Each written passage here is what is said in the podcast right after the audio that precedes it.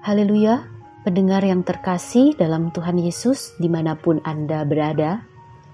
Damai dan sukacita menyertai kita semua.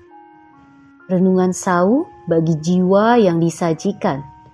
Gereja Yesus Sejati berjudul Merpati Tolol. Dalam nama Tuhan Yesus membacakan renungan firman Tuhan.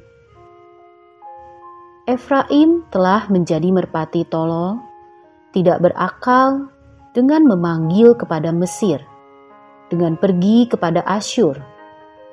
Apabila mereka pergi, aku akan membentangkan jaringku ke atas mereka. Aku akan menurunkan mereka seperti burung-burung di udara. Aku akan menghajar mereka karena kejahatan-kejahatan mereka. Hosea pasal 7 ayat 11 sampai 12. Burung merpati berbeda dengan burung-burung lain karena merpati dapat mengenali arah. Ini adalah kemampuan alami yang diberikan Allah kepadanya. Walaupun dibawa ke tempat yang ribuan kilometer jauhnya dari tempat asalnya, merpati dapat terbang kembali ke tempatnya. Tidak heran, banyak orang suka memelihara merpati untuk mengikuti lomba merpati. Merpati yang kehilangan kemampuan untuk mengenali arah adalah merpati yang tolol. Dia tidak tahu ke mana tujuannya, sehingga sembarang terbang ke mana-mana. Tuannya pun tidak dapat berharap dia kembali ke sarangnya. Pada zaman Nabi Hosea, bangsa Israel berhadapan dengan musuh yang sangat kuat. Bukannya berseru dan bersandar kepada Allah yang membawa mereka keluar dari Mesir, mereka malah memanggil kepada Mesir, pergi kepada Asyur.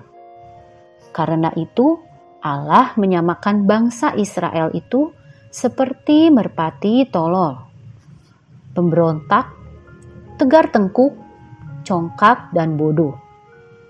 Maka Allah memperingatkan mereka, Aku akan membentangkan jaringku ke atas mereka. Aku akan menurunkan mereka seperti burung-burung di udara. Aku akan menghajar mereka karena kejahatan-kejahatan mereka. Tuhan Yesus dibaptis di Sungai Yordan.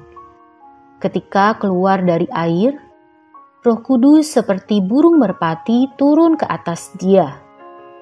Markus pasal 1 ayat 9 sampai 10. Karena itu, burung merpati juga melambangkan Roh Kudus. Bangsa Israel sungguh adalah umat pilihan Allah. Namun, mereka bukannya menjadi seperti burung merpati yang berhikmat dan melambangkan Roh Kudus, tetapi mereka menjadi seperti burung merpati tolol yang merendahkan harga diri, pergi ke mana-mana mengemis pada bangsa asing, dan tidak kembali ke Allah mereka. Karena itu, Allah akan membentangkan jaringnya ke atas mereka dan menurunkan mereka seperti burung-burung di udara. Mereka akhirnya akan dibinasakan oleh negeri Asyur yang mereka andalkan untuk mencari pertolongan. Hari ini, apakah kita juga seperti orang Israel yang bersikap tidak percaya dan acuh kepada Allah? Sewaktu menemui kesulitan, apakah kita hanya mau meminta nasihat kepada ahli, tidak mau bertanya kepada Allah? Sewaktu sakit, Apakah hanya mencari dokter, tidak mau memohon kesembuhan kepada Allah? Sewaktu menemui kesusahan, apakah hanya meminta tolong kepada manusia, tidak kepada Allah? Alkitab menceritakan sewaktu Raja Asa dari negeri Yehuda menderita sakit pada kakinya yang kemudian menjadi semakin parah. Namun, dalam kesakitannya itu, ia tidak mencari pertolongan Tuhan, tetapi pertolongan tabib-tabib. 2 Tawarik pasal 16 ayat 12. Raja Asa mati dua tahun kemudian. Sangat disayangkan, Raja Asa yang gagah perkasa itu menjadi seperti merpati tolong yang tidak bersandar kepada Allah ketika ia jatuh sakit. Mazmur tertulis, "Lebih baik berlindung pada Tuhan daripada percaya kepada manusia. Lebih baik berlindung pada Tuhan daripada percaya kepada para bangsawan. Mazmur pasal 118 ayat 8 sampai 9. Begitu juga orang ini memegahkan kereta dan orang itu memegahkan kuda. Tetapi kita bermegah dalam nama Tuhan Allah kita. Mazmur pasal 20 ayat 8.